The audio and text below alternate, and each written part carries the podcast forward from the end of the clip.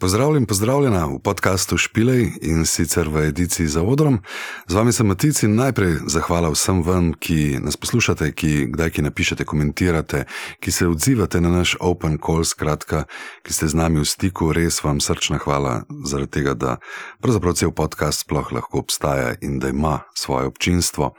Hvala Boru, Maruši Niku, studio Most, še vedno naš gostitelj, super se imamo v tem ambientu, pa Boštjanu seveda. Blackbird Master Studio, ker nam dela tale lep master celega posnetka. Mm, danes imam spet za gosta človeka, ki je uh, 360 glasbeni multipraktik, promotor, booker, um, soorganizator Showcase festivala Mentu v Ljubljani uh, in splošno človek, ki o glasbi ve zelo veliko. Uh, z mano je Andraš Kajzer.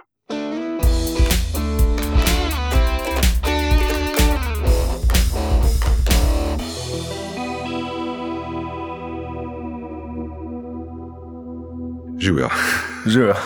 Zdaj, zdaj sem zvedel, da si poslušalec naš. Res je, ja. da živijo. Uh, skriti Lepo. fan. Skriti fan, zdaj pa odkriti fan. Zdaj pa odkriti. Ja. Uh, veš kaj, za začetek mogoče tako, koliko imaš zdaj, ki bizi dneve? Zdaj imam uh, verjetno ja, najbolj bizi dneve. So, ne? To je kar klasika. Približen mesec pa pol je še do festivala, kar pomeni, da smo zaključovali uh, program, ker se vedno zavleče z vsem. Uh, Vse objaviti, vse pripraviti, narediti vse plane, kako bomo vse to spromovirali, vse ta program nabrali na kup, uh, pol terja zdaj od jutra do večera. Ja. Je, ne? Pa kakšne vikende, seveda. Ker si sam rekel, da je to pričakovana tema, ne seveda govorimo o mentu. Tako. Uh, ja, seveda, to je eden od razlogov, zakaj sem te točno zdaj povabil. Uh, pa bova en del pogovora, bo sigurno šel malo kulmenta, če ti je v redu. Seveda. Imamo pa še na lagerju stvari. Uh, glede na to, kar mene mladi včasih vprašajo, kaj je sploh namen menta, zakaj bi se prijavil, zakaj bi bil tam, evo, pedagoška minuta. Ja, to je super vprašanje. Um, zdaj, zakaj bi bil tam, lahko je razlogov ogromen, ampak predvsem je ment showcase festival oziroma predstavitveni festival, kar pomeni, da imaš možnost imeti tak boost gig. Torej, prideš tja, imaš možnost na konferenci spoznati kup mednarodnih delegatov. Zadnja leta jih imamo med 500 in 600 slovencev in tujcev iz cele Evrope, pa tudi širše. Kar pomeni, da imaš možnost svoje delo, svojo glasbo predstaviti tem ljudem, Uh, mogoče jih spoznaš že na konferenci, se zmeniš z njimi za sestanek, ugotoviš, s katerimi profili se lahko povežeš. Predvsem te pa te ljudje lahko vidijo živo na odru, uh, zato ker večina ljudi hoče videti bende v živo. Ne samo, če so koncertni ali pa festivalski promotori, ampak tudi nekdo, ki bi ti izdal ploščo ali pa nek medij, ki bo poročal o tebi, bi rad videl tisto pravo organsko stvar v živo. Uh, tako da, ja, to je neke vrste orodje, je ta festival, zato da ti lahko hitreje narediš neke korake v karieri, obenem se izobražuješ, spet je pa odvisen, kakš, kakšne cilje imaš. Zdaj, če si ti osredotočen predvsem na Slovenijo, te bodo zanimali izključno slovenski delegati, mogoče te bo mm. na konferenci inspirirala kakšna tuja tema, ampak uh, se boš na to osredotočil. Če te zanima prodor v tujino, je zdaj odvisen kam. A boš delal uh, najprej mogoče v regiji in boš raziskoval tamkajšnje profesionalce, ali gledaš širše, a ti manjka nekdo, ki ti blokira koncerte, ne, a iščeš medijske odzive. Zelo odvisen od ciljev artista, in zato je tudi to festival, kjer mogoče to ni, recimo, špiliga je nek prvi korak, mm. klubski maraton je nek drugi mm. korak, mogoče uh, ment je pa nek tretji korak. Pa ne, da bi zdaj rangiral te uh, dogodke, ampak gre po večini za artiste, ki imajo neke izkušnje in približno razumejo delovanje tazga festivala. Uh, in ga znajo tudi uporabiti. Ne, ne, se je rangiranje, ne se gre za izkušnje, ne špiliga je čisto začetna, prva No, štenga je ja. pač osnovna, mislim, zelo so mladi, klubski maraton je. Pač malo bolj izkušen, ampak tukaj pa vsem tudi selekcijo imate pač kar hudo, zato je, ker pač veliko prijav očitno dobite Uh -huh. in morate dati vsaj tiste, ki grejo res na oder, morate selekcijo narediti. Veš, zato sem te zato vprašal, ker ni ta ideja showcase ni pri nas, pri mladih glasbenikih, ni tako razvita, ne razumejo nekateri, kaj je namen, zakaj bi mi tam špilali. In tako se je težko prijaviti. Drugo je pa, zakaj bi pa tam visel tistih par dni. Ne? Zdaj si to pojasnil, zato ker res, ok, lani, jaz sem bil lani prvič, no, uh Mhm. -huh. ko je bila tudi ta postkoronski, mislim, da je bil tudi uh, excitement vseh delegatov, se mi zdi, pač res je veliko ljudi, res so dobri kontakti, veliko se zgodi na kavi tam. Uh -huh. Ne? To, to, mislim, tudi ta del, veš, da ni nujno. Eni so bili razočarani, ki so se prijavili, seveda niso v izboru, ampak je bi ga, ne, to ne morete vseh. Ampak še vedno lahko prideš na festival. Normalno. Tam, pa to tudi ne pomeni, veš, če nekoga zavrnemo eno leto, to ne pomeni, da ne bo eh, nastopil enkrat v naslednjih letih. Mi se mi res probujemo spremljati, ne sem jaz, ampak cela ekipa, ker vsak po svoje, kaj svetuje. Um, res probujemo spremljati, če, so, če je umetnik pripravljen za to. Uh, moram reči, da doskrat, da pri mlajši generaciji da je tako, da so zelo zainteresirani igrati. Um, jih je pa težko v bistvu pripraviti do tega, da se čim več o tem podučijo, pa da to res izrabijo do največje mere. In ne samo pri mlajših, tudi pri starejših je doskrat to, da želja je, uh, teži pa je, ko se je treba spraviti v akcijo. Ja. Veliko bi jih radih imeli uh, nekoga, ki dela za njih to in upravlja to vlogo, in ne dvomim, da je to res lažje ampak treba je tudi priti do tega. Se pravi, že si pojasnil tako zgodbo, to dejansko je lahko pot ne, za recimo. Odhod v tujino ali pa nekaj, ne? in to ni izmišljena zgodba. Ne? Ne, pravi, to je res. Veš, ne, da, jaz včasih slišim več tega, pa kdo bo pol nas tam tudi šlivil. Ne? Ampak dejansko je na kupu res veliko in celo veliko ljudi, in je celo tudi težko obvladljivo. Ne, jaz sem bil prvič, ki tako, paneli so tam, tam, tam. Je to za ene ljudi, ki so že naravno tako malo bolj socialni, ne, ker nekoga moš tam cukant. Ne. ne zgodi se kar samo od sebe, vse ne, na panelu. Ne. Ja, res je. Mislim, to vrstni eventi so primarno namenjeni glasbenim profesionalcem, torej vsem kadrom glasbene industrije, uh, pa seveda artistom samim. Potem je pa odvisno od človeka, kako funkcionira. Jaz, recimo, zdaj hodim že ene deset let na take festivale mm -hmm. in uh, vsak terja svojo pripravo. Ne? Jaz ne grem tja čez brez glavoma vletati, jaz si pregledam, mm -hmm. kdo so nastopajoči in si naredim svoj program festivala, kaj mene zanima, recimo, pripeljati v Slovenijo. Uh, na naš festival, kaj moram videti. Seveda, vedno podpiramo naše, če igrajo kje v tujini. Eh, pa preverjam konferenčni program, ugotovim, kdo prihaja. Vsi festivali, vsaj večina jih ima neko delegatsko databazo, tudi mi, kjer kot eh, človek, ki prihaja na konferenco, vidiš kontakte vseh ostalih in se lahko vnaprej res dobro pripraviš, da ne pišeš kar vsakmu, ampak ko ugotoviš, recimo, hm, dam za primer, mene zanima zdaj delati nekje v regiji in še nisem nikjer v tujini igral. Mogoče je prvi cilj Hrvaška. Pogledaš, kdo so hrvaški promotori. Letos recimo organiziramo tudi srečanje s hrvaškimi promotori uh, in uh, ugotoviš, mogoče kateri klubi bi bili primerni, kateri uh, festivali, in probaš njim poslati mail. Jih spoznati tam. To ne pomeni, da sploh moraš igrati na festivalu. Tako je. Ja. Uh, ogromen, mislim, po vseh izsledkih, ki jih dobivamo čez leta, se recimo ogromen stvari zgodi, uh, ki niso nujno vezane na naš koncertni program ampak se pač tam spoznajo različni profili. Eh, ki, ki ugotovijo, da imajo nekaj skupnega in v prihodnosti sodelujejo. Ja, le to si, recimo, ravno ta baza je bila meni šokantno, odlična zadeva, ki ste jo. Ne vem, je to bilo lani prvič, da ste tako delali tako, to bazo, da lahko vse kontakte poiščeš? Si... Ne, ne, bazo imamo tudi od začetka. Od začetka. No, jaz sem bil prvič v tem in to se mi je zdelo ravno iz tega razloga, ker ko sem videl program, je bilo tako, fuck, tega je res velik. In sem se jaz isto odločil, zaradi tega, da me zanima pač Balkanska regija. Točno to rekel si, Hrvati, uh mhm. -huh. Hrvati Bosanci, uh, Srbi, Makedonci, bil je tudi kolega iz Kosova, recimo, ampak in potem je to bilo enkratno. Ne? To se pravi, to, da povežeš s tistimi najprej internetno, a tle so neki ljudje, potem to povežeš z živim človekom, ki je tam in ga moš res tam mal cukant. No? Vmes v pauzi, nekje, ko ima človek čas, se predstaviš, ampak potem pa res lažje zlaufa po, po internetu, ne? pa v tem naprej. Ne, ta, ta pomen tega druženja, vsi na kupu, je res hud. In uh, meni se zdi tudi, če nekdo ne špila, je res dobro, da tudi če je umetnik ali pa začetnik v poslu, da se prijavi na festival, da je pač udeleženc, uh mhm. -huh. da del, da sproba to prvič, kako je. Ampak, kot si rekel, ne, mal, moraš si narediti načrtno, res je veliko, veliko imate. No. Ja, po mojem je definitivno festival za, za vse stadije. Ali si na začetku lahko dobiš kup informacij, to doživiš, malo premeljaš, vidiš, kaj bi lahko naslednji let naredil. Vidiš tudi artiste druge, kaj nastopajo, vidiš v bistvu svoje kolege ja. uh, kaj delajo danes v glasbi, kako se odzivajo na odru. To je vse ena izkušnja. Jaz si tako vsak martis to rečem, hodite na koncerte. Ne, to je glavna stvar. Uh, to, kar si pa rekel, se mi zdi pa tudi zelo pomembno, da, um, da se ne ustrašiš. In tudi vsak človek, ki mogoče ne boš ne vidiš skupnega jezika, lahko je to nek tvoj prvi kontakt v eni državi. Recimo, spoznaš nekoga, vzameš kontakt, mogoče delate drugačne stvari, ampak boš delo trnajo, ti bo manjko špil na poti v Belgijo, ne vem, v Švici.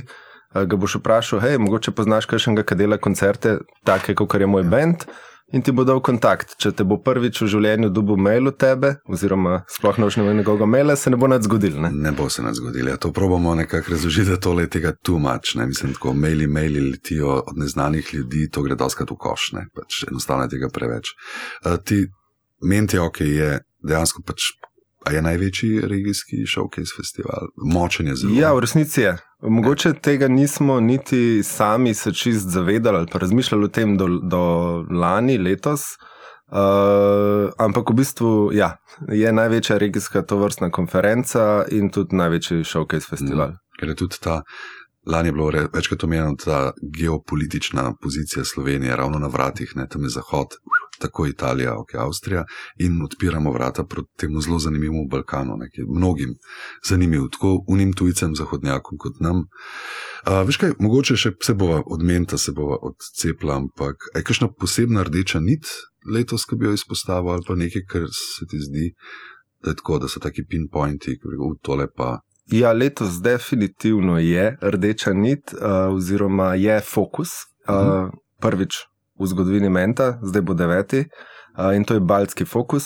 To pomeni, da prihaja veliko profesionalcev in nastopajočih iz Estonije, Latvije in Litve. Wow. Tako okay. da imamo neko, neko povezavo, 12 bendov, tam bo prišlo ogromen enih festivalov, promotorjev, novinarjev, Nekako smo spletli to ves v zadnjem letu in pripravljali ta projekt. Uh, ugotovili smo, da imamo veliko skupnih točk, torej prihajamo iz mehkih držav, uh, ki so mogoče malo odcepljene od tistega največjega dela glasbene industrije uh, in imamo svoje izzive uh, in svoj način delovanja, in se nam zdi, da se lahko tukaj dobro povežemo.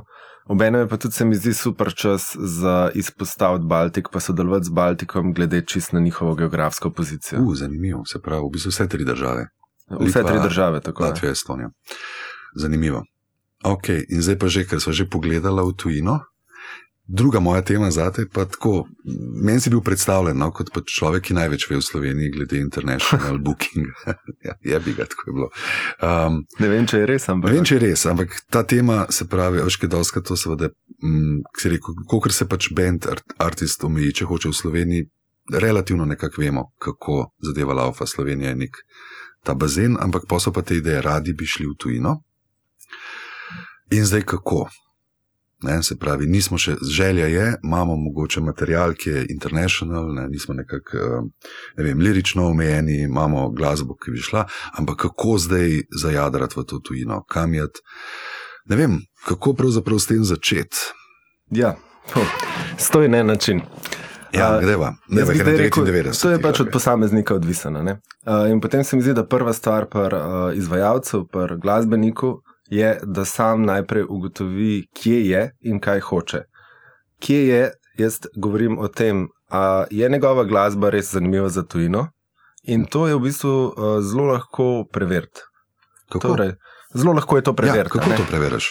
Preveriš tako, da pošleš uh, ljudem, ki jih poznaš. Ja. Recimo, si nastopil v nekih klubih po Ljubljani, pošlješ ljudem, ki so organizirali te koncerte, si nastopil na kakšnem festivalu. Torej, kogarkoli poznaš, ki ima kakršen koli stik s tujino, ne bo to, da bokira tuje bende v Sloveniji ali karkoli, ga vprašaš za iskreno, iskreno mnenje. Torej, a ti misliš, da ta glasba, ki smo jo do zdaj posneli ali pa naš nastop, da bo prepričal tujce. To so ljudje, ki imajo kilometrino, ki so bili na ogromnih tujih dogodkih in ti bojo lahko dali nek feedback, da ti sploh veš, a si tam. Zato, ker doskrat se mi zdi, da nekdo ima nek produkt, produkt pravim, mm -hmm. enemu ja, ja. glasbenemu izdelku, ja, ja. Ki, ki mogoče ni zrel za to, ali pa ne, dos, ne dosega te. Kvalitete, ali pa ne dosega, ali pa preprosto nezanimiv, zato ker je tam že toliko podobnih sorodnih projektov, ki delajo na precej višjem nivoju. Lahko je to zaradi znanja, lahko je to zaradi financ, česar koli. To se mi zdi točka ena. Točka dve je, da ugotoviš, kje v tujini bi lahko sploh kaj počel s tvojo glasbo. Torej, Regijsko? A je to Ali regijsko ali po pa- celem svetu? Ja, ne? ja, mhm, Uh, okej. recimo, odličen primer, ki ga navajam, pa je zdaj že kar star. Je, uh, sem bil sošolc z gramatikom, ki je danes Ja. ja. en ogromen uh, Ti nisi uspeh. sošolci bil? Uh, ja, na sajtu. A, Jaz sem In- pa dober prijatelj od sestre. A res? Jaz mi ne, ja. tako da pozdrav. Če ne posluša zihar. A res? Ne, po mojem tudi da ne, ima drug del. Ja, okay, sošolci Ampak od recimo, grama- gramatik, njegova ja, zgodba okay. ne, je zelo, zelo zanimiva, čist potem, da je on prišel, uh, on je odkril svoj trg v Ameriki in se tja preselil in se tega lotil stoprocentno. In to je način. Ja. Zdaj, če boš ti, jaz uh, ne dvomim, da se da iz Slovenije imeti mednarodno kariero, nekateri jo imajo, ampak če si tok predan, da ugotoviš, da tam moja muska dela, jaz moram biti tam, je to najboljši način. Tam se boš hitreje naučil stvari, takoj boš dobil informacije, takoj boš razumel, kaj moraš početi in imel boš ekipo okoli sebe. Ker druga stvar, ko pa začneš delati s tujino, je pa da nujno moraš si zgraditi neko mrežo, neko ekipo, ki deluje s tabo. To pomeni zdaj v primerih nekaterih izvajalcev, pomeni, da imajo v vsaki državi nekoga, ki nekaj upravlja za njih.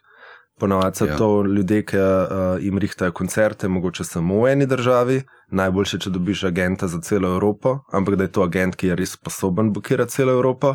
Vsak agent bo seveda vprašal, če imaš založbo, zato ker vsak agent ne more kar vzeti enega novega benda pa ga promovirati klubom, če, ta, če tega benda nihče v tisti državi ne pričakuje, ne, ne pozna ga in si ga ne želi. Ne? In tako tudi mi. Meni se zdi, da se moramo skozi vprašati, kako mi funkcioniramo.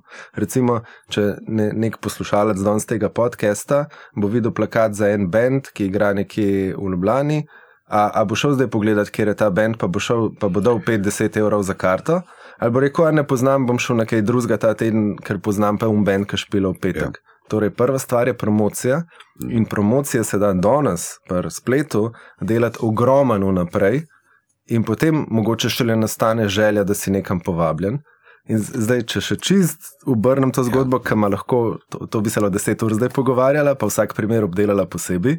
Ampak, če čist obrnem to zgodbo, če ti kot artist si uh, spravil vso svojo glasbo na, uh, na medmrežje in je dostopno javnosti, tvoji videospoti so dostopni javnosti in upravljaš neko promocijo za to, ko boš dobil prvo povabilo na koncert v tujino, veš, da si na pravi poti. Mhm. Zato, Ja. ker večina izvajalcev, ki ima uspešno kariero, dobiva vabila, ne išče. Mhm. In Ja, to se mi zdi ta aktivno. ključna, To, da ključna ti- razlika. Da ti ne? fehtaš v bistvu okolje. Tako. Nekaj ne začneš, prosim, prosim, vzemite me, če se enkrat zgodi, da nekdo tebe opasi in reče: Tebe bi povabil, pa si že skoraj zmagal, ne? si ja. na dobri poti. Ampak, ampak da ne bom jaz zdaj uh, zatrl samega sebe, ker sem včasih to počel za druge bende in sem Ja. delal tudi turnejo v tujini, kjer mogoče nismo dobivali vabil, pa smo vseeno hoteli iti na turnejo in se tudi to da. Ogromanje dela, ogromanje odrekanja. Uh, Dost uh, izvajalcev se mi zdi, da po prvi, ne vem, sedem, deset dnevni turnej v kombiju, spanja po klubih, spanja pri folku doma, si reče, u, tole pa malo naporen. Ja. Ampak tudi to je način odpiranja vrat. Jaz bi sam rekel, da preden sploh se spravaš, dela to turnajo, kjer si na koncu pripravljen vzeti vse. Na koncu igraš mogoče, imaš kakšne uspešnejše gige, imaš pa špile, kjer je deset ljudi, mrz je, ne veš, zakaj si točno tam. In če se temu lahko izogneš, s tem, da ti že od doma upravljaš uh, svoje naloge, svojo promocijo, ali pa nekdo drug zate, uh, si velik naredil. Veš, zdaj, zdaj si me ful zavedel z gramatikom, to. Zdaj pa imam tak državi, ne vem, mi nismo se tega pogovarjali, ampak nista šla dva takrat v Ameriko? Čl- ti, ki veš o tem. Ne bi vedel. Aha, Ne. okay, neko zgodbo sem slišal, lahko da je čista urbana legenda, ampak da ne bi gramatik in še en šla skupaj in se je ta drugi zelo hitro rekel: Fuck it, to je brez veze, tle in se vrnil nazaj. Hm. In je neka urbana legenda, da še vedno vrti za 50 evrov nekje na obali. Aha, pa nič ne veš o tem. Okay. Ne vem, Okej, uh, ne, mogoče to ne drži. nič ne bom rekel Ja, glede okay. tega. Uh, vem pa samo, da je, to se mi zdi super, da je gramatik, potem tudi, saj, ne vem, kaj se zdaj z njim dogaja, ampak da je imel tudi precej slovenske ekipe, ki je tudi velik tam bila, Mm. mm. ki je delala z njim in to se mi je zdelo tudi super. Veš, se meni ta zgodbica samo zato, da pač tudi če greš v New York ali pa nekam, ne, se tam ne zgodi kar čudežno v roku enega meseca, dveh mesecev. Ne. Ne, Če nekdo normalno. obupa tako hiter, ne, da reče, pač, le, nismo še prodarili svojo musko, ko smo že tukaj. ne. Ampak njegova zgodba je meni ravno v tem, v neki totalni ustrajnosti in termine. Sej to, eh, zdaj smo mogoče nismo nič povedala zgodbe, pa jaz bom, jo, bom tudi rekel, da jo premalo poznam, ampak če hiter povzetek je to, da je on na- prek Bitporta uh, prodajal svoje treke in ugotavljal, kam se, kje, kako, Ja. kje se prodajajo in pod kakšnimi labeli se prodajajo. Uh, je bil zelo hiter povabljen, mislim, da povabljen na prvo turnajo. Mislim, da je delu ene dve turnaje in potem, ko je to izkusil, se je odločil, aha, smiselno je, da se preselim tja. In mislim, da je ja, eden najuspešnejših glasbenikov Ja, ja, slovenskih ja. ja. v tujini zadnjih ne vem, 20-30 let ali pa kar vseh časov. Ja, drži. Um, ok, zdaj pa imam dve zadevi, ki si prej rekel, ve- večkrat si že omenil. Ne? Ali pa imaš enega človeka, ki ti to pomaga, ne? se pravi, tle pa ta dilema, ali mora mlad artist zelo hiter začeti delati z enim profesionalcem, da mu pokrije en del, ali v prvi fazi dosto v redu, da dela sam, ali pa bend se zmen. To, to me malo zanima, kako je s tem, ker pač vedno pol najet nekoga, ne govoriva še o nekem tujem booking, ampak agentu, ampak že nekem slovencu, ki ti pomaga to delati, ne, to smiselno najprej sam. Pa kaj ti misliš o teh um, plačanih turnejah, no, v bistvu tem, ker pač vsi vejo, da določene, če hočeš sam, se lahko k nečemu preklopiš in pač daš neki sredstva in se izkusiš ta del. Ne.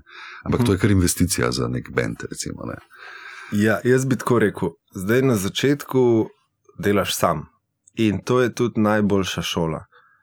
Da, če ti znaš kot bend sam se promovirati, sam se organizirati, sam si izrihtati koncert ali pa celo sam si organizirati koncert, pa boš razumel, kaj vsi ti ljudje delajo zate in boš ena cenil njihovo delo, kar bo zelo pomembno za nadaljni odnos. Ne, ve, dve, vedel boš, koliko je to vredno, koliko je zate to vredno, koliko dela ti lahko odnese. Uh, in znal se boš o tem normalno pogovarjati. Ne? Razumel boš uh, tudi, uh, kjer koncertni promotor je dobro upravil svoje delo, kjer ga ni. Razumel boš, zakaj je mogoče tukaj več ljudi, zakaj ne. Razumel boš, zakaj si tako plačan na koncu koncerta, ker kakšni so bili stroški zraven. ne.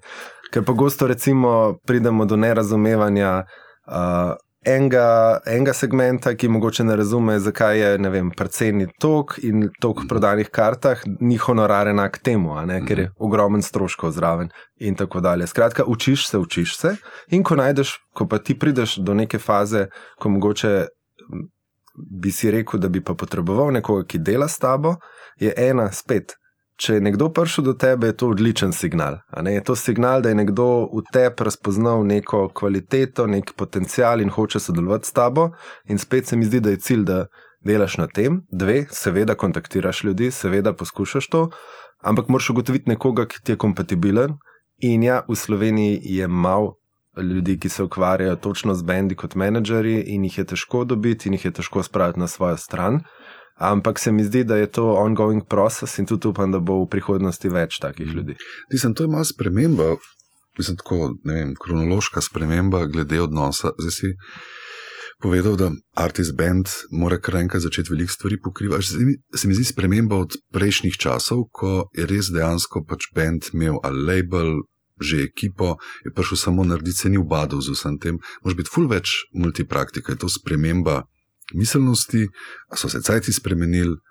Veš, meni doskrat rečejo, pač zdaj se moramo pa ukvarjati še s promocijo. Ja, kdo se pa bo? Jaz ne bi rekel, da so se cajti spremenili. Jaz sicer eh, ne živim toliko časa na tem svetu, da bi vedel točno, kakšni so bili časi, ampak mislim, da je to, eh, da je to je nekako uh, malo. Ne domišljijsko, ampak je to malo Mhm. neka, nek spet urbani mit. ne. Jaz mislim, da vsak bend je mogel na začetku garati. To pomeni, a govorimo o največjih dan slovenskih artistih, so mogli delati svoje špile, so mogli ne vem, prepričati fene, da so šli z njimi v druge kraje, da so obudili uno publiko tam, da so pokazali, kako, kaj, um, kako bend lahko uh, funkcionira v najboljši luči. In šele potem pridejo založbe. Malo je artistov, ki ima založbo od začetka, Mhm. ali pa mogoče je to v, ne, karkoli. Malo je artistov, ki ima založbo od začetka. Uh, in uh, preprosto se mi zdi, da so vedno mogli biti neke vrste Ja. multipraktiki, in tudi vsak, zdaj, če grem čisto splošno ven iz glasbe, vsak biznis, ki ga delaš, se recimo, če ne vem, polagaš ploščice, ni da razumeš samo polaganje ploščic. Razumeš tudi, kako je, deluje koncept prenove kopalnice, kdaj je kdo na vrsti od delavcev, in moraš poznati nekako celo uh, strukturo, Ker če ne, ne boš vedel, kdaj si ti na vrsti, ne boš vedel, kaj moraš za druge pustiti, uh, kako moraš neke ploščice zložiti. Uh, pač en kup stvari je, tako da to se mi zdi zelo zmotno razmišljanje, ja, ja. da je to zdaj tak strah, o, zdaj se moramo pa še promovirati kot Ben. Ja, ja. Ne, ne, se, se s tabo strinjam, da se niso cajti tako spremenili, da so mogoče samo oblike drugačne, ne? ampak da vedno je bilo to, da si moral biti multipraktik, sem da si pač sam lepo plakate. Ja, ja ali pa hodil kol za flyeri, ker ti tega nobeni delal, ne? zdaj pa moš mogoče nekaj več delati na spletu, če govorijo samo o promociji. Ne? Ampak da, to, da je to tudi nek mit, ja, da je to ne, kar enkrat so se pojavile založbe in vsi veliki bendi so podpisali in so uživali in je bila slava in ne vem, ja, kaj je uspeh. Umenil si biznis, ne? da pravzaprav meni se zdi tudi to preklop iz tega, da začneš svojo glasbo jemati kot posel, je kar velik. Da neha biti samo imamo se fajn in zabava, ampak da, da poštekaš, da je ta del pa je biznis. Tako kot si rekel, glede stroškov, stvari so pač žal, kar postavke in se jim ne moš izogniti. Kaj ta ampak, preklop narediš, ali pa naredijo, je ja, malo bolj resno. No. Jaz vedno rečem, ta preklop sploh ni nujen. Če se ti odločiš, ne. da je glasba tvoj hobi, ja, ja, super ja. zadeva. In se lahko nehaš ukvarjati z vsem, kar ti ne paše. In to je top. Ja, to je top ja. um, spoštujem vse, ki se to odločijo. Vsi, ki pa ostali, pa v bistvu od dneva ena si ti v glasbenem poslu, ker si kupuješ inštrument, to je že del tega. Uh, plačuješ za najmnino, za vadbeni prostor, uh, kupuješ drugo opremo, in prvi koncert je glasbeni posel. Nekdo bo imel račune, nekdo bo neki plačal, in poslujemo. Pač, Kot je to lahko grda beseda v umetnosti, tako to funkcionira. Ja, tako je. Um, E, kaj bi drugače te pisal, viz imaš vizitko, nimaš vizitke? No. Kaj ti v resnici, kako ti sebe vidiš, uh, eh, ker si prej omenil malo dobrih menedžerjev, jaz sem prej naredil napoved tebe, rekel sem, da si multipraktik. Tudi si 360, ne vem, kako bi te opisal. A si menedžer? Mislim, ne, uh, ta hip sem vodja festivala. To ne. Ja, okay. ja. Uh, oh. To je moj radni naziv in v bistvu zadnje nekaj let je to tudi recimo 80-90% mojega dela. Ja. Kaj pa ostalo? Ostalo pa, recimo, trenutno samo eni komisiji na ministrstvu, um, imam občasno kakšna predavanja, kdaj še kaj napišem, uh, imam kakšna mentorstva za tuje eksport office, za njihove artiste. Tako da take stvari se zgodijo, ampak večinoma se otepam v narekovaje dodatnega dela, ker sem prišel iz tega, da sem delal vse, torej delal sem koncerte, turneje v tujini, um, založbo sem vodil, uh, medije sem delal, urednik sem bil, novinar sem bil, da sem vse to delal in potem, ko se je meni začel, sem potreboval recimo vem, dve, tri leta, da sem prišel do tega, da lahko samo to počnem. In glede na to, da sem edina oseba, ki to celo leto počne, sem edini, ki ima totalen nadzor nad tem, in se mi zdi nujno, da je moja glava fokusirana samo na to. Mm, viš, to sem te hotel, ne? to celo leto počneš, ne, ne ja, samo če ja, ene. Tudi leto. polje, se pravi, celo leto. Ja. Uh, Mi smo okay. zdaj, recimo, mesec pa pol pred festivalom. Jaz, recimo, se že ukvarjam z datumi za naslednje leto, z enimi stvarmi za naslednje leto, obenem pa na polno meljemo tega. Ja, Ampak ti moraš imeti ekipo pod nadzorom, moraš vedeti, ja. kaj se bo v prihodnosti zgodilo. Uh, konstantno moraš biti, mi imamo ogromen partnerjev, sodelujemo z ogromen uh, eksport ofisi uh, in smo celo leto v pogonu, pa tudi na druge uh, podobne festivale hodimo in tam tudi promoviramo domače, uh, naše slovenske nastopajoče, če so tja povabljeni. Čistko ne, se pravi, nek bend te ne more najeti za svojega neki neki nekega middlemana. Ne, ta hip ne, uh, pa, me pa pogosto povabijo na kakšno kavo ali pa pivo za podeliti kakšno mnenje. A to hodiš, uh, greš? Grem, ja. ja. Ne na vsako, verjetno. Ne, valjda, da grem. A veš, a veš kaj, sej, čisi iskreno, včasih mi je odveč, sploh tam, ker vidim, da mogoče, ker ne vidim potencijala, pa ne v glasbi, ampak v, v ljudeh samih. Mm. Ker vidim, da veliko si želijo, pa zelo malo uh, naredijo um, če si iskreno. Drugače mi je pa super, zato ker se mi zdi, da to, več, veš, tudi ment je del mene uh, in to, kar delamo, je super imeti čim več informacij. Mm. In tudi to, kar si rekel, ne, če nekdo ne razume, kako meni funkcionira, mu z veseljem razložim. Če ne vem, nekdo uh, detektira, uh, na mentu bi bilo pa lahko več tega, zato ker imamo potrebo potem v Sloveniji, let's do it. Recimo letos organiziramo srečanje klubskih uh, promotorjev uh, elektronske glasbe. Elektronike, ok. Uh, z- in, uh, in to bo dvo-trourno srečanje, ki bo detektiralo neke njihove izzive in kako se lahko oni povezujejo. Obenem bo pa zelo direktno naslovljeno na to, da nam oni povejo, kaj pričakujejo od menta v naslednjih letih. Kaj bi lahko mi za njih naredili? Torej, a jih zanima, da pripeljemo uh, ne vem, tuje agente, da pripeljemo založbe, da jih povezujemo s festivali, ali bi se radi v večji meri predstavili na festivalu, komu. Um, tako da to se mi zdi, da je del moje službe. ja. Ej, fajn, da greš kdaj s kom tako na pivo, kavo. Ampak moraš si rekel, morajo sami pokazati, ali pa sam pokazati, verjetno veliko motivacije, pa nekega dela. Ne sem, da bo tebe cuzo, zdaj bo pa Andraš nam povedal.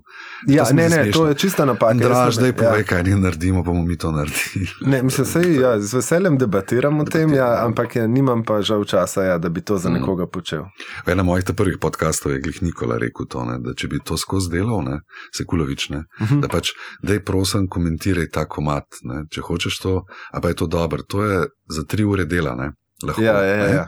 Prej poslušati prvič, drugič, tretjič. Če hočeš res, ne samo da nekdo na prvo žogo reče, da je to meni fajn. Ne. Sam to ni, to ni, to nič ne pomaga. Če hočeš resno se tega, je tri ure. Ne. Tako da ne moreš 24 ur to delati, da je meni ta komat, da mi ti povej to. Tako da, ok, je pa ja, še vedno. ne, to je res, če hočeš se to zelo resno spustiti, ja, je težko. Pa spet, jaz bom rekel, da pogosto bolj uh, komentiram neke njihove ideje, kako bi se lotili ali neke turnaje ali nekih nastopov na festivalih. Manjkrat je to, da jih zanima moje mnenje o vem, njihovi novi skladbi. Čeprav se mi zdi, da bi večkrat mogli se izvajalci spraševati o tem, pa več mnen dobiti, ne nujno mo- mojih, ampak od kogarkoli o sami končni kvaliteti produkcije, o tem, eh, kaj je mogoče single, pa Mm. o tem, kam lahko to pelje. Ja, drugače, takrat, ko smo bili skupaj tisti poslušalnici, no, ki je še Peter to v inkubatorju, veš, ko smo delali to, da folk za- zavrtel komat in nas je bilo več, v bistvu. Mhm. Um, Maša, Dominika, Peter, ne vem, zdaj bi še tedaj košir, ti si bil. Ja. Ko ste komentirali komade, to je bilo, ko- ne komentirali, tako- ampak tako strokovno je bilo res zelo, zelo koristno. Vem za veliko tistih, ki so tam, mislim, veliko, koliko jih je bilo, so ogromen uh, dobili od tega. Mhm. Veš, eni bendi so iz tega dejansko so to akumulirali, te informacije so resno vzeli. Ne, kot nek pogled na, na muziko in jim je mal spremenil um, njihovo smer. Ja. Tako da te poslušalnice, tudi to so dobre zadeve. No? Ko nekdo, ki ima neko izkušnje o tem. Lej, omenil si menedžerje v Sloveniji, to me malo, ni, se ni nujno, lahko greva tudi z imeni, ampak rekel si, ni jih veliko. Mhm. Ne? Zdaj pa to v kontekstu pa labelov, založb. Pravzaprav, kakšna je zdaj ta, kaj, kakšna je zdaj, kako ti vidiš no, to slovensko sceno, glede posameznikov, rečemo, ki sebi rečejo, ali pa so res menedžerji in res lahko bendu nekaj profesionalnega nudijo, pa v kontekstu labelov. To pa te zato sprašujem, ker so včasih, kakšni pač, ko podpišejo z labelom, malo slabo berejo, no? uh, drobni tisk in so bolj razočarani, ne? da v bistvu od založbe ne dobijo tistega, kar so pričakovali, da bodo dobili. Vprašanje, kaj so pričakovali. Ja, ja. Ampak sploh ta scena, se pravi, nekih rekel, malih menedžerjev, kako vidiš to, lahko tudi z, z ljudmi, s katerimi imaš dobre izkušnje, je panike. Um, in ja. Pa seveda labeli, no, na splošno, založbe. Jaz bi rekel, da je tako. Uh, je neki menedžerjev ali pa agentov, ki se s tem ukvarjajo profesionalno vsak dan, uh, osredotočeni na Slovenijo. Uh -huh. In to je v bistvu zelo svoj svet. Bi rekel, to so zelo svoji kanali, mediji, ve se, kdo kaj dela. Uh, in to je neka stvar, ki jo pač ti ljudje lahko upravljajo že desetletja. Potem pa je malo, je predvsem malo, je pa tistih, ki se kakorkoli ukvarjajo s tujino. In tudi, recimo, s Petrom iz Sigica smo že pred leti zagnali uh, delavnice, potem je Peter še ojačil to formo delavnic in je kazal, da bo kup enega novega kadra, ki bo počel take stvari. Pa se je potem ugotovil, da recimo, če je hodil, zdaj dam za primer 20 ljudi, da jih je 10 po prvem letu obupal, zato ker je ta glasbeni biznis, sploh če si ti v Sloveniji, je tak wild, wild west. Uh -huh. Ogromen je potrebenega lastnega angažmaja, nihče ti ne bo ponudil neke redne službe. Uh, Znati se moraš, ogromno stvari se moraš biti na, uh, naučiti, pa moraš biti blazno odporen. Mhm. Zato, ker je čisto, mislim, odvisen, kje sodeluješ na, ali pa deluješ v katerem segmentu glasbe, alternativa, mainstream, karkoli, ampak se mi zdi, da je, je zahteven. Uh, in zato dosti ljudi mogoče se ne znajde v tem, jim ni pisan na kožo. Tisti tudi, ki pa bi se radi, uh, imajo pa predvsej trnovo pot. Nikakor ni to lahka stvar. Zato, ker Kot si prej rekel, ne, vedno smo tako, oj, pa aristi nimajo dovolj pomoči. Jaz bi pa rekel, da če si ti menedžer, imaš zdaj težavo najti tiste slovenske aristi, ki imajo resen potencial za tujino, so sami z glavo in časom in energijo in vsem pripravljeni se to iti. Uh, in da lahko ustvariš neke pogoje, da se ta zgodba sploh smiselno začne. Veliko uh, slovenskih artistov je ok, ampak recimo že ali pa imajo super muziko, ampak njihova bend ali pa solo izvajalec mentaliteta je sej bi, sam, a ja, un vikend pa ne morem, ker, a ja, v ponedeljkih sem pa v službi. In tako dalje, seveda se je službo.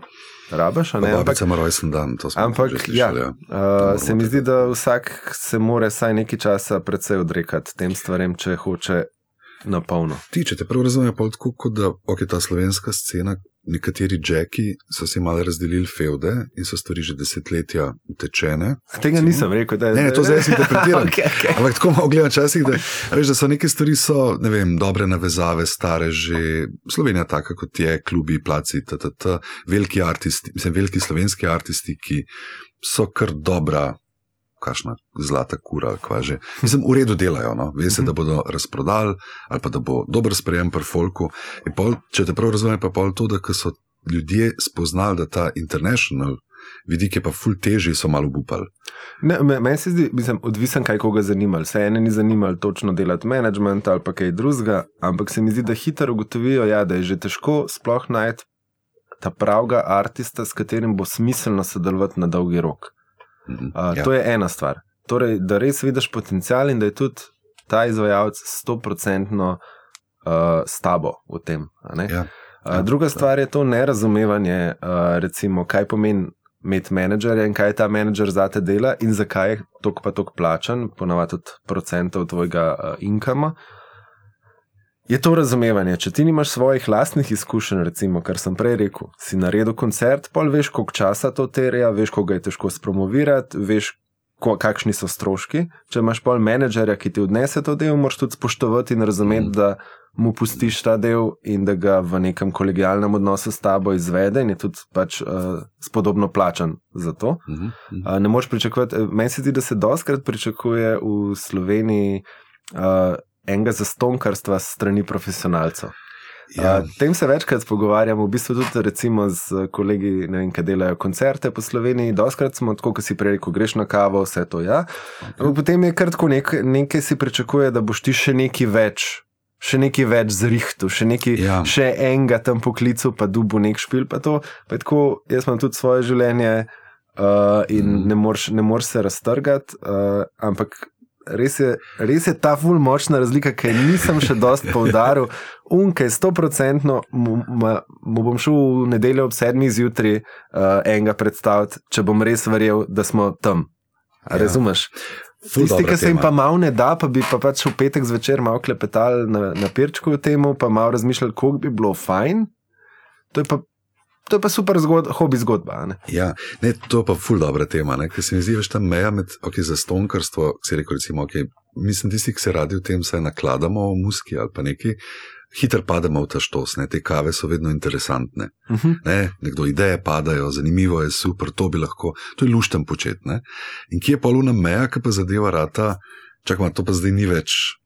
Ne, ne bom ti pa zdaj iz te kave zrihtel špil, Ja, ja, ja. Uh, veš, me zanima, kje, kje bi za te bil, recimo, rečeš, to pa dobro, to ti še naredim. Ne? Jaz bom rekel, da je prva stvar, ki vsa meja. Meni je famozno to, da, da, pač, recimo, da se eni zdi to, wow, mail, rabim mail od tega človeka uh mhm. -huh. in če imam ta mail, jaz bom mail dal. To se meni zdi tako. Samo boš ti pisal, zato je to pač javno objavljen mail, ampak kako da ne vem, ne znate pogooglati.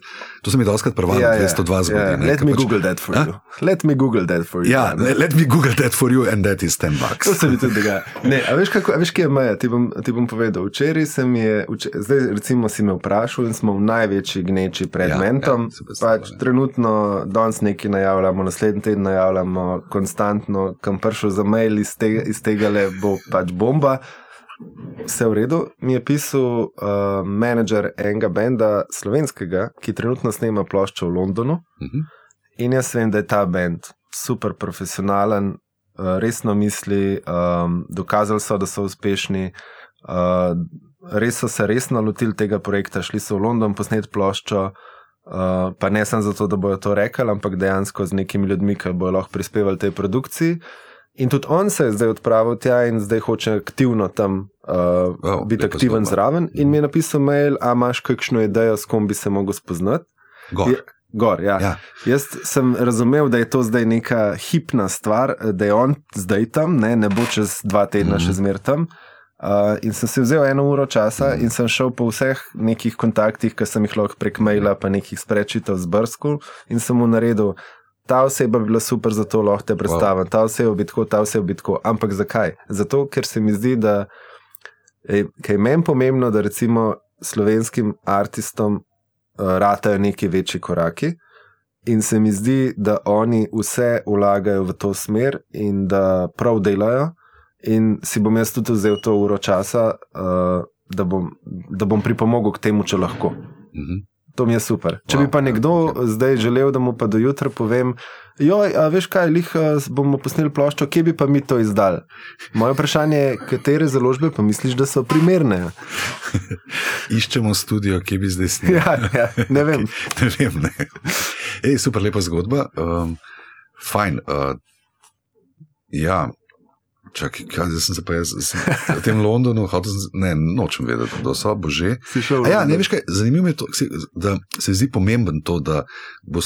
Kaj, kaj je tisto, kar te drive, da bo slovenska muska šla, je to na, nacionalen ponos, a je to gospodarski vidik tega, da se bomo dobro promovali, turističen vidik, ali te pač to tako, a pa osebno drive, da češ pis, da je dobro, če našim rata enkrat, ne, to je pa fajn, je, če jim rata. To je za, mislim, ment, ko je nastal, je ment je od začetka mišljen kot neka platforma, neko orodje, ki skuša spodbujati slovenske profesionalce, slovenske izvajalce, potem regijske, potem pa centralno-vzhodna evropska. In šele potem je Zahodna Evropa na vrsti, čeprav je tam Mhm. trenutno še vedno največji biznis. Ja. Uh, ampak mi to skušamo vse združiti, ampak primarno, kot sem omenil, nam je to pol skupna zmaga. ne. Mhm. Uh, Zato, ker ne pomeni, da zdaj. A Veš, eni pričakujejo, da boš pa, uh, letos uh, bo nekdo nastopil na Mentu in potem bo svetovna zvezda. To ni ameriški idol, pa tudi na ameriškem idolu ni pa vsak zvezda, Ja, ja. pustimo to. Um, ampak je pač orodje in dokler ta platforma uh, deluje na dolgi rok.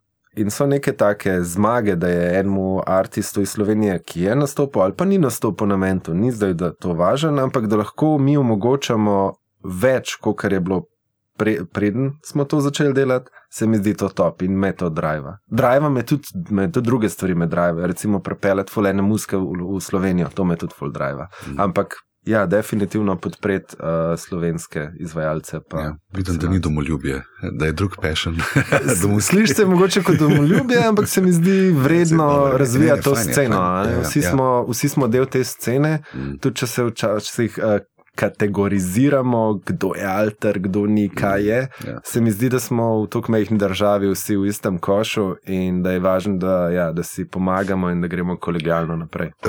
Prej si omenil gramatika že nekaj časa nazaj, ampak imaš zelo v zadnjem času kakšno dobro zgodbo slovenskih artistov, ki pa imajo to vizijo, da grejo v tujino, pa da jim nekaj dobro ratuje, da so šli tako, mogoče s pomočjo še koga, ampak da pelejo neko dobro zgodbo. Uh, prav za tujino, fokus je.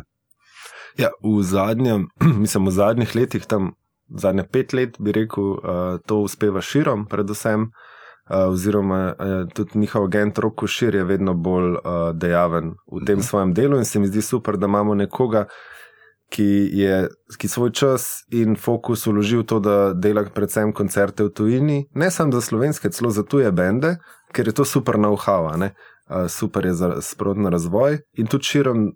Igrajo na res um, pač eminentnih festivalih, uh, imajo turnaje, ki pijejo vodo, to se mi zdi top stvar. Uh, eno zgodbo si obdelal jih zadnjič, ne bom preveč uh, mlev v njej, ampak Freekind, pa ja, Maša, to se mi zdi tudi odlično. In tukaj tudi zdaj, uh, vse, kar še vem, da se dogaja, se mi zdi, da, da so super koraki in da se bo tam definitivno še kaj zgodil, pa da bomo o tem še slišali. Um, pa bi pa rekel, da je, recimo, je še par uh, izvajalcev, ki se jim kaj dogaja, ali pa imajo super temelje, ta hip, Um, mogoče celo tako, da so v Sloveniji najprej si zgradili eno večjo bazo, kar je tudi zelo pomembno, pa šli polo tujino. In zdaj bom šel kar v eno drugo temo, ki se kar, tega tiče, ja, ampak ima ful smisla. Recimo, um, doskrat, uh, noč ni narobe, če izvajalec takoj razmišlja o tujini, to se mi zdi super. Ampak včasih je fajn si zgraditi neko bazo v Sloveniji, ker ti veš, da ne vem. Imáš toliko pa toliko uh, fanov, imaš toliko ljudi, ki kupijo karto za tvoj koncert, imaš neko zanimanje, Zato, ker ena, če kar zaslužiš, lahko to vlagaš potem v tujino, in dve, tudi če ti doma ne rata, kje ti bo, a ne. Ja. Sej včasih se lahko to obrne, gramatike večji v tujini kot v Sloveniji, ja. ampak tudi, ko se je vrnil v Slovenijo, je razprodal križanke. Da. Da.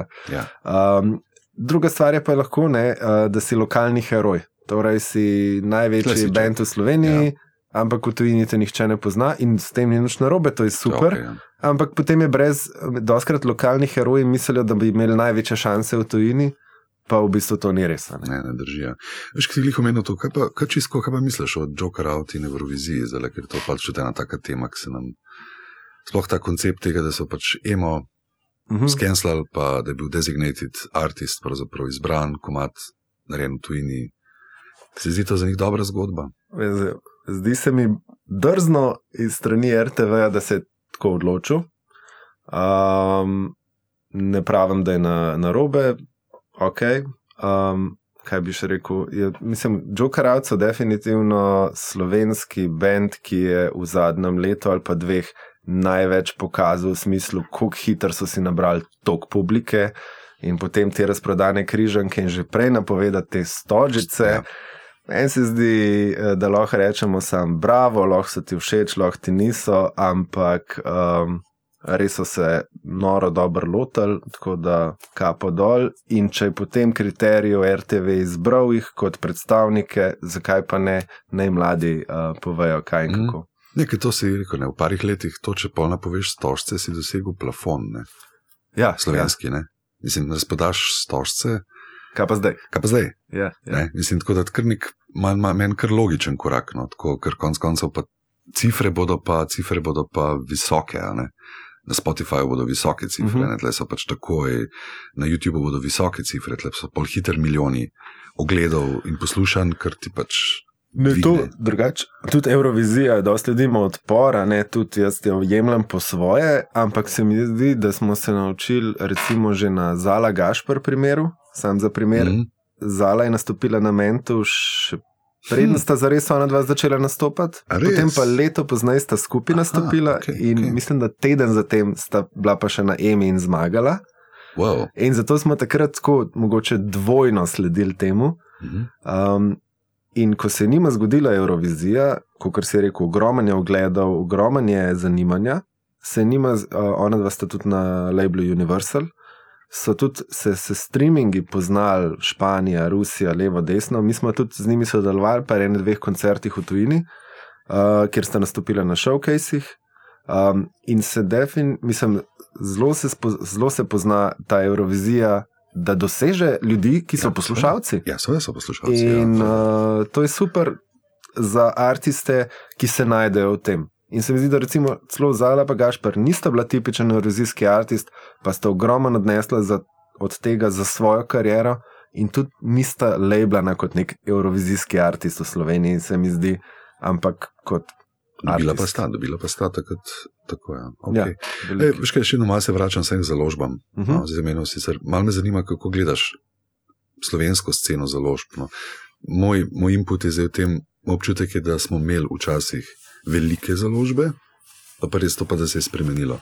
Velika imena, ki smo jih poznali, Dallas Nika, Menard, ne vem, kaj so še bili takrat.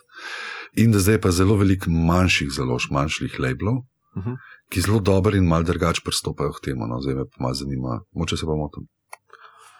Jaz bi rekel, da je tako, da v bistvu te večji labeli so ugotovili, da, je, ali, da so finance v tem, da distribuirajo večje kataloge tujih založb, v domače pa vlagajo, ko se jim to splača. Um, in vlagajo predvsem njihov trg Slovenija, torej se osredotočajo na to. Tako da te založbe ponavadi niso, um, ne morejo veliko narediti za artista v tujini. Uh mhm. -huh.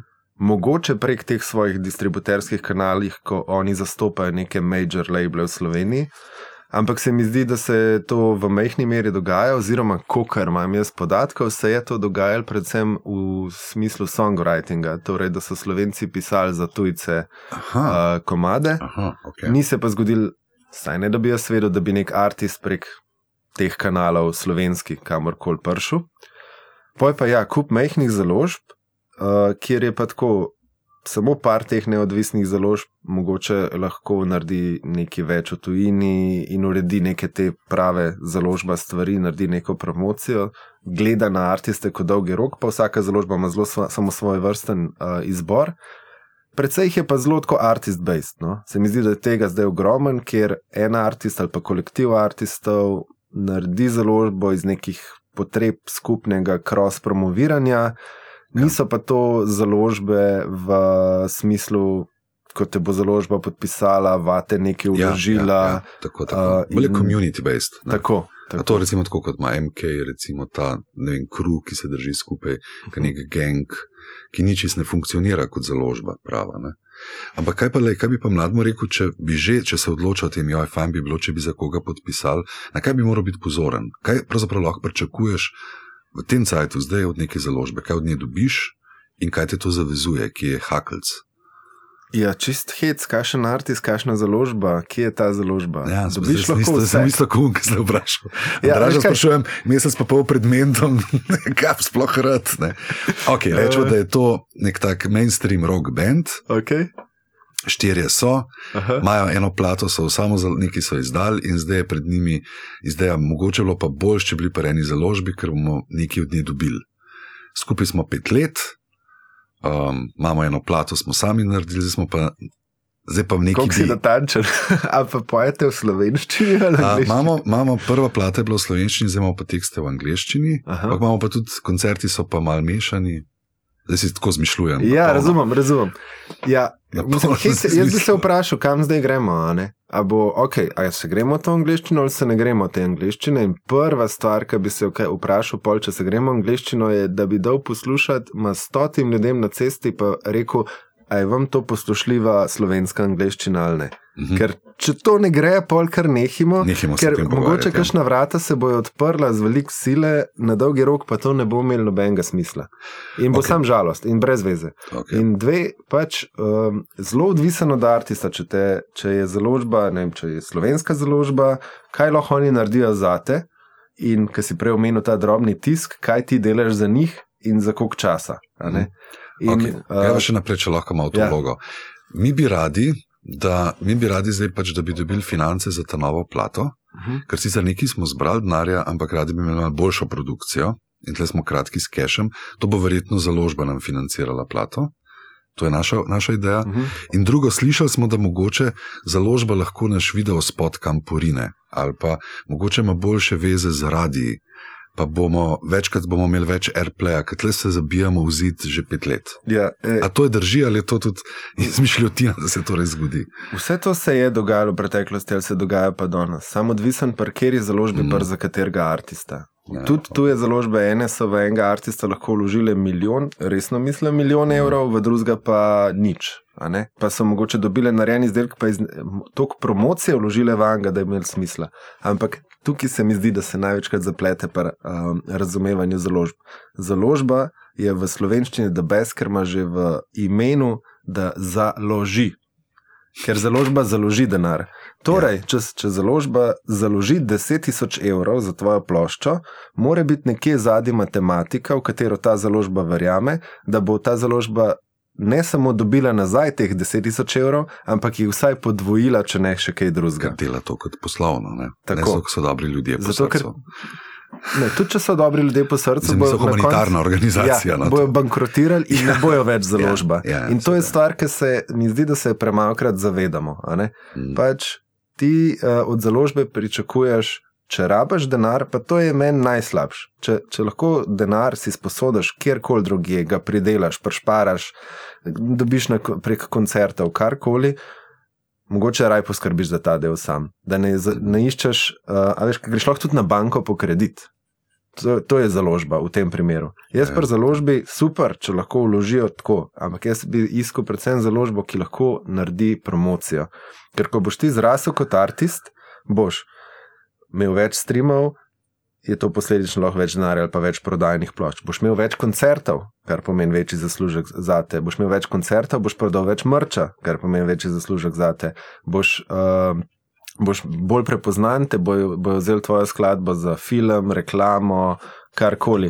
Pač ogromen ja, nekih ja, teh možnih virov je, ne. tako da za bolje profesionalna založba, več ti lahko nud nekih kanalov za tvojo glasbo, ki jih sam ne zmoriš, pol ima smisel. Če pa mm. založba, en, mislim, tam leti da lahko en uh, deset jurjev, pa ni založba. Tako da, če ja. iščeš denar, ne vem, če je to, to pravi prav, naslov. Si rekel, da mogoče pa kanale promocije, ne, ki pa pa vteče, ne pa močnejše. Ja. Ne, Ampak, le, zdaj se malo zaokrožila, se pravi, pa se pa splača prideti na ment. Ne. Ker tam predstavniki založb pridejo. Tudi, ne? tudi, tudi. Ne? lahko nekoga spoznaš. Mislim, da zdaj govoriš mi o tem, ni gre za to, joj, kam, kjer je založbi, mora imeti, ampak treba se pogovarjati, treba se pogajati z njimi, ne? treba vedeti, kaj na mizi, kaj nekje dobiš. Je... Mislim, ja, se strinjam, super je prijeti na ment, tam se lahko fulno učiš, ampak jaz bi rekel, če še korak nazaj. Če ti kot uh, izvajalec ne veš, na kateri založbi bi izdal album, imamo že problem. Mm -hmm. Če si ti, recimo, zdaj bom pa jaz dal primer, ti igraš ne vem, uh, heavy metal, pa ne veš, na kateri založbi bi izdal album, imamo problem. Zato, ja. ker pol ne veš, kaj se dogaja v svetu s heavy metalom, ne veš, kje založbe uh, v heavy metal sceni zdaj izdajajo nove heavy metal bende, ki si jim ti mogoče soroden, ampak spet ne preveč, ker ne bojo zdal še enega enega benda. In ugotoviti, a si ti na levelu teh bendov na tej založbi. Ja. In ko ja. ugotoviš, če si, pa imaš le smisel razmišljati o tem. Če pa tvoje prvo vprašanje, mi bi imeli eno založbo. Ja, to je malo obrnjeno. Je pa zelo glupa, težko, no. Zelo glupa ja. logika, ja. Dajte eden nas bo vzel pod ukrep. Ja. Kdorkoli in bomo slavni. Ne? Naslednja stvar je private jet, s katerim letimo pol v Las Vegas. Ja, okay. ja, ja. Ti, ki si rekel, na tem levelu, samo še to, ki misliš, da mogoče najbolj spodleti nekim slovencem, na katerem levelu so preniski, je to produkcijsko vložijo premalo, na tem promocijskem delu, a veš. Se ti zdi, da ki, ki nam mogoče še najbolj fali? Ko greš v, ko fukneš musko v Evropo, uh mhm. -huh. kje je unok? Povsod lahko. Pa E, mnogi imajo že pri končnem izdelku. A je to produkcijsko, mogoče, ali pa, ali pa album ni zaokrožen, ali pa je preveč balasta, pa bi bilo bolj, da bi bili samo trije komadi zunaj, pa še nisi zrel z unimi komadi za jih posnet. Včasih je manj več. Mm, Recimo mm. letos, imamo, letos bomo imeli eno izvajalko na Mentu, ki še ni izdala niti enega komada. Oh. Um, Nemka je, ima sicer par živih posnetkov na spletu, ampak njihov ideja cele njene ekipe je, da vsi izdajajo single, pa albume, pa to mm -hmm. promovirajo, Naša zgodba pa to, da bomo sam zdaj špilali in pokazali, kako je to dobro, dokler ne, bo, ne bojo ljudje tako žejni, da kam dal van ja, komat, okay. se, bo, se bo poslušal. Zdaj to smisla, da pa ta inovativnost, drugačnost še vedno pali, ker se mi zdi, da je več velik stvari zelo klišejskih. Okay, single, cek, čez tri mesece, še en single, cek, album, cek, in vsi kopirajo isti model. Če nekdo pride z nečim, mi moči so obrnili logiko na glavo, to še vedno spet dvigne kakšne obrvi ali kako naj kdo reče. To je pa zanimivo. To je pa zanimivo, zakaj pa ne? Ja. ne? To je zihar zanimivo, sploh če imaš okoli sebe profesionalno ekipo, ki ve, zakaj, zakaj ste se tako odločili. Ne? To je neka strategija. Ja. Ampak recimo, če se malo vrnem na to, no, uh, na to studio, pa produkcija. Meni se zdi, da je full velik hec v tem. Ti, kot mlad izvajalec ali pa svež izvajalec, imaš zelo malo študijskih izkušenj. Ko greš snemat prve stvari v studio, so to tvoje prve izkušnje. In doskrat je prva izkušnja bendov, ko so v studiu, da so prvič v studiu, ali pa drugič, ali pa tretjič. To ni nič. Pa, če si res dober v tem, da nekaj v studiu narediš celo skladbo, posnamaš in vse, moraš imeti za sabo na tisoče ur. Kar pomeni, bendi, kaj se največkrat zgodi, se najdejo studio, ki je dovolj ugoden za njih, nekega producenta, ki to je profesionalno ali ni, ampak je pa finančno ugoden. Um, grejo v ta studio, posnamejo najboljš, kar se da v danih pogojih, in naredi najboljš, kar lahko. Da, dajo teh deset komadov ven, danes jih lahko spraviš na Spotify, skoraj danes na jutr, in je to to. Ampak izdelek ni. Izdelek ni. Ja. In to je čisto logično. Recimo, jaz kot bend, prva stvar, ki si rekel, če imam kaj še na svet, jaz bi šel v studio, pa posnel en komad, pa šel domov. In ko se to vse konča, zgodba tega komada, bi ga poslušal in bi rekel, da damo to sploh ven. Mhm. In ugotovil, in to bi bila tvoja prva študijska izkušnja, in bi ugotovil, da ti ta študija sploh ustreza. A sploh znamo odigrati vsi člani. A, a, a res mi tako zvenimo na posnetku, a bo to še kdo poslušal? Daš ljudem za poslušati, a nam ustreza ta producent, pač to je vprašanje, ki jih moraš odpreti, preden greš lahko drugič snemati, pa ugotoviš, kaj lahko izboljšaš že za drugič, ne da greš pa mm. celo plato posnet. Ja, no to je malo bolj potrpežljiv biti s tem, pa malo bolj premišljen. No, no. Mislim, da je nekdo zdaj enkrat v podkastu ravno rekel, to, da so posneli stvari, ki, niso, ki so jih dejansko dal, jih niso nikoli izdal. Spravo so investirali cash v studio, vendar na koncu je bend odločil, da tega ne bomo dal ven, uh Mhm. -huh. ker je tako, wow. Ne? Veš, šokantno, da rečeš, da investirali smo čas, na koncu smo dobili izdelek, smo rekli, ni dober in ga bomo sam pospravili nekam na disk, mogoče no, ali pa ne, ne. Ampak, veš, drugo je pa to, ker so stvari, kot si rekel, načeloma dosta ugodne. Zbereš nek denar in dobiš nek studio, dobiš nekega človeka in lahko hitro posnameš celo plato. Ne? Veš, tako dostopno je, uh -huh. ampak to ti lahko kvaliteto znižuje. Ne? Ti pa to res, ko enkrat fukneš to ven, je to zunaj in to je tvoj izdelek, to, to je tvoj trademark, to je vizitka. Ne? Pač mm. Nekdo prvi, ko klikne, reče: O, maja. Ne? Ampak dostopno pa je. Ne? Pa je tudi. Ne. Danes je precej lažje promovirati en komat, kot kar celo plato. Ja, veliko gre v to. In to si priznajmo sami. Ja. Slišiš en komat, je zanimiv, mogoče ga polajkaš si na Spotifyju, ker ti paše, malo poslediš. Ne gre vsak poslušati tako še cele plošče, pa kar kupate LP-ja, pa polovarja, pa neki. Rabaš časa. Ne? Ja. In se mi zdi, da se tudi aristi dobro to učijo. Recimo, njih imam ta piva primer, sem jih zanj bil na enem pivu uh -huh. z enim slovenskim bendom, ki um, prihaja iz precej DIY scene, pa so recimo pol naredili precej uh, nekih korakov, ker jih je to zanimalo, kako spraviti vse skupaj na nek uh, drug nivo. Uh, in mene je presenetilo to, da so mi oni rekli, da imajo album posnet že cel let. Pa v bistvu, na lagerju. Pa v bistvu zaradi vsega, kar se dogaja, še zmeraj čakajo, vejo zdaj že, kdaj bo izid album, ampak danes recimo se na vinil čaka tudi po pol leta. Ja. In bendi izdajo plato v tej svoji ihti in na promocijskem koncertu, kjer boš imel največ ljudi, ki potencialno kupijo to, ta LP nimaš tega LP-ja. Mm, to, to je, super, je strelo ja. koleno. To je mega. Ja. To je mega. Šlo je 300 ja. ljudi. Druga stvar, recimo, a veš, ti imaš promocijski koncert, pa nisi še izdal nobenega komada ali pa plate, zato ker to še uno, še rihtaš, še master bo, izdaš na dan in potem noben ne pozna nobenega komada v dvorani. Vse lahko je noro, ampak po drugi strani. Predvsej lažje boš prepričal ljudi, če jim boš počasi dovajal malo svoje muzike, en komat, tri mesece, pa, lej, pa pol čez en mesec, še en komat, da se bojo vlavalo to, hm, zdaj, se pa, uh, zdaj se pa vali, zdaj bo pa plata, zdaj bo pa koncert. In imaš že fulenga materijala za pokazati, imaš, um, um, pač poslušajo te. Se, se da tukaj precej več narediti, z malo potrpežljivosti, ne s tem, ja. da sam laufaš vse izdati. Ja, dobro razlagaš to. Všeč mi je ta mala premišljenost, pa pač valjda so da neke scheme, kdaj, kaj, kako, pa malo umiriti konje. Ne? Ravno -hmm. zaradi te želje, nekaj smo posneli, da jim to takoj vendati. Ker smo pač seveda happy, ker smo naredili tak super komat. Ampak vseeno zadje je tisto malo mal racionalno, hej, dajmo malo postopoma. Ne? Tudi zato, da, ne- da ne bo strel, mislim, strelil v koleno. Žalosten je to, ko nekdo naredi nekaj dobrega in pač v bistvu vrže v, v prazno. Ker Ja. žal je tako, da potem naslednji teden so novi, mislim, tako, industrija je močna. Ne. Nov teden pride novi komadi, ne, ko enkrat gre čez mim, ko si ven dal, si mal momentum zamudo. Skozi, mislim, skozi lahko zamudiš vse živo. Vem. Recimo, da sem v zadnjem letu ali pa dveh od sam domačih artistov doživel. So spravili uh, komade na Spotify, pa jih čez par mesecev ni bilo več, ker so na robe opisali uh, ene kode. Ja, In enadoma, tudi če so bili na playlistah, ni bilo tega komada. Tudi Ja. če so bili nekje uh, objavljeni, nisi mogel poslušati tega komada. mhm, Grozen. ja.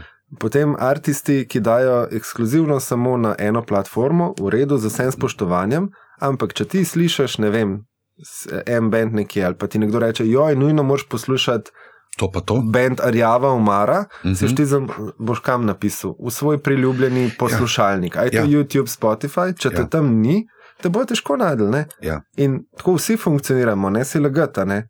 Ja. Ja, jaz nimam vseh platform, mislim pač. Ja, jaz tudi ne. bom- Jaz tudi ne, mislim, vse smo med sabo videli, ker je zanimivo, ker med sabo debatiramo, smo zelo različni. Ne. Imamo v, evo, v ekipi imamo Tidal Fenico. Ne. Mhm. Um, ok, jaz sem, jaz sem se pač, jaz sem, jaz sem preklopil iz Deezerja na Spotify, ko je bil tukaj, ker mi je bolj neumen, zato, ampak zato, ker mi zna miksati, ker naredite 12-sekundne mikse, pa so mi moje Mhm. pol playliste fulušeč. Pa veliko najdem gor, ampak jaz pač Deezerja nimam več. Ne. Tidal, če bi bilo samo tam, ne, iPhona ne uporabljam. Tako da mi nič, pač to ne pomaga. Ne, veš, Ej, ne. fu- eh, Zdaj, zdaj bom še jaz sebe ustrelil v koleno, pa bom nekaj rekel. A, To, recimo, vedno je, vedno, vsake dva meseca pride neka informacija, koliko so malo plačani play na Spotifyju. Ja, ja, ja. In pa vsi slovenci, ki smo ene 30 let piratstva, imamo za sabo, se zgražamo nad tem, ne nekateri. Um, se mi zdi, da roko na srce Spotify je naredil za artiste več kot kjerkoli drug streaming, ta hip tudi če da več. Zato, ker Spotify dejansko delivera musko tok ljudem, uh, tok imaš, uh, tok je dostopen, obvestite, ko imajo tvoji najljubši bendi nove komade. User experience je top, a ne? in zato je pač lažje poslušati. In jaz mislim, da ljudje več poslušajo, po ne vem koliko letih so celo začeli plačevati za glasbo. Dajmo, dajmo, se, dajmo biti uh, real, pač zadnjih 30 let, fani, fani. Smo kupovali kakšne vinilke, mm. CD-je, pa zbi, pa zbirali to, in zdaj imamo grmade neuporabnih CD-jev. Uh, piratizirali. večina ljudi je pa piratizirala Ja. z Vse živo. Ja, ripanje tako drugačno, MP3, dol iz, ja, seveda. Exactly. In Ja. ni zdaj, da je streaming ubol, ampak v bistvu streaming rešuje, čeprav ta hip mogoče tega ni za občutiti na ta način. Zato sem Mhm. rekel, da sem ustrelil. Zakaj? si? Ja, unpopular opinion bi rekel, da je to. Ja, se mi zdi, da je lažje, lažje biti hud na Spotify, ki premalo plača. ne. Sam, če pomisliš, uh, mogoče bi Spotify full več plačal. Če bi bil 100 evrov na mesec za uporabnika, sam dajmo se vprašati, kdo bo dal 100 evrov. Ja. Ne? Ne, jaz, jaz se s tabo strinjam, jaz pač, nisem plačen od Spotify, ampak pač meni je to najljubša platforma in moj user experience je meni čudovit. Meni to, jaz sem že včasih na telefonu si dol dajem aplikacije, ker pač sem prepoln vsega. Ne. A Veš, Ja, ja. ne, Twitter sem si že skinil z telefona, Facebook sem si skinil z telefona, to mi Lepa. je zelo dobro, imam samo še Messenger. Da, ampak prav, enkrat sem se Spotify bi bil daleč zadnja zadeva, ki bi jo. To je meni pač lifesaver Mhm. Za pač cel dan, kako slušalke okol in pač YouTube hejtam, ne, ker ga pač mi uh Mhm. -huh. ni. Uh, tudi zaradi uporabniške izkušnje na telefonu mi pač ni ok, zato ker bi moral bult v nek video, ne, uh Mhm. -huh. ne morem telefona uporabljati. Mene muska zraven in jaz sem navdušen. Men ne vidim nič slabega, res pa nisem artist, ne, ker pomeni ne, ne štejem cekinov, kaj je za meni Spotify, ampak kot uporabnik in najdem ogromno novih stvari. Kot si rekel, ne? od tega, da moji priljubljeni dobimo, mislim, priljubljeni, kaj so novega izdali, ampak meni je super. Tudi tisto, pač kaj, veš, zdaj že seveda algoritem poznava nekje, kaj jaz poslušam ne? in pa mi vsak teden da moj miks no, in spoznavam ogromno nove muske iz sveta, ki v lifeu ne bi do tega prišel ne? in mi je to kul. Cool, Mhm. Tako da pač Jaz ne bi hejtel. Vse to, ta dostopnost je tudi. Recimo, ja. ti včasih si slišal za en bend, ki ti je bil kul, cool, pa če nisi kupil CD-ja, ga nisi poslušal. Ne, ne. Razen če si si ga presnel. Tako. Zdaj pa lahko dejansko poslušaš ja. ta bend in pa ugotoviš, uh, zdaj bi šel pa na koncert. In zdaj še ta povezava Spotifyja s Songkikom, ki v bistvu imaš še špile noter, Mhm. je tako samo odstiranje prihodnosti, uh, kaj se vse še da. a ne. Ej, Andraš, super. Zdaj pa tisti, ki že veš, da bo, ne? ker zdaj pa ravno to. Veš, te bo meni zanimivo, zakaj jaz v bistvu folk prosim za komat z glasbeno železo, ker pol. Vedno nekaj novega zvem, vedno mi nekaj, nov, skoraj vedno nekaj novega prenese in potem tako dan to spet v Spotify. Ne? Okay. Vidim, kaj ta artist prenaša s sabo novega, ne? ker so spod pač rekomenditi in gre čist neke nore smeri, ki sploh ne poznam. a Ne? In mi odkriva, tako da zdaj smo na tisti točki, ti že veš. Um, oziroma, a si še kaj hotel dodati? Ne, jaz že vem, da moram zdaj še zaključiti s Ja, ja, komadom. sem- ne. Ja, se smo v redu, mislim, da smo obdelali teme. Ne, Ja, Meni je jaz bilo mislim, da best, sva, je bilo, to moraš ti super je povedati. bilo. Um, ne delam več v dveh kosih, no, to sem se odločil. Da, Pametno. ja, ja, ne, ne, ti zelo malo prehud. Povejmo pa, v redu je. Ja, lej, ena urca dobra, to je to, kava je bila, ni bilo piva, ni bilo, kave tudi ni bilo v bistvu. Ampak, ej, super mi je bilo s tabo, res hvala ti Hvala, za vse. enako. Zdaj smo pa tam, no, zdaj smo pa tam, da te spustimo nazaj. Evo, moj komat no, za, Ja. ja. za, za danes eh, je, mislim, da je šel pred dvema dnevama. Wow, Uh, tako da bo čist fresh, uh, naslov komade Kostarika, izvajalka je pa Astrid, torej slovenka, tudi nastopila na mentu, tako da Ja. check it out. zelo dober. Za Astrid sem pa res slišal pred, prvič pred enim tednom. Okay, Ja, in uh, nekaj že ima nekaj gor. Ma že, ima že nekaj Ja, komadov. Kostarika, okay. ja. in me, ja, um, super, super. Um, ej, lepo se mej, veliko živcev ti želim, spanja, zelo bo stampedo, verjetno, ne boš, Pa bo, bo ne, adrenalina bo. Um, in zelo uspešen festival, pa te, seveda, in celi ekipi. Pa hvala Hvala. ti, no. Ja, hvala. Nič, to je to, ajde, čau. Čau.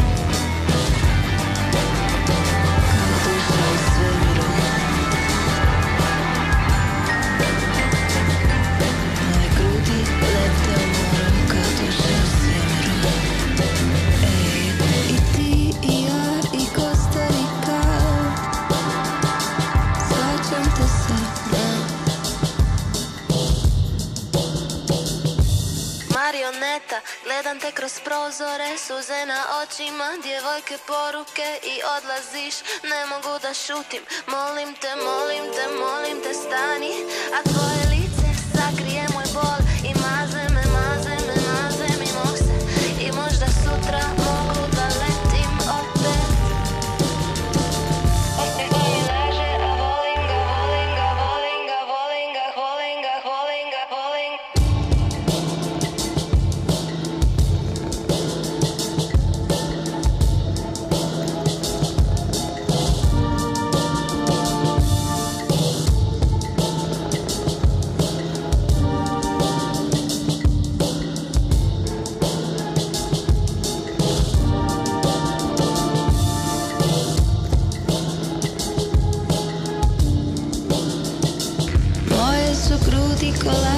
palmice, cvjetići lepte u moru kao duša u svemiru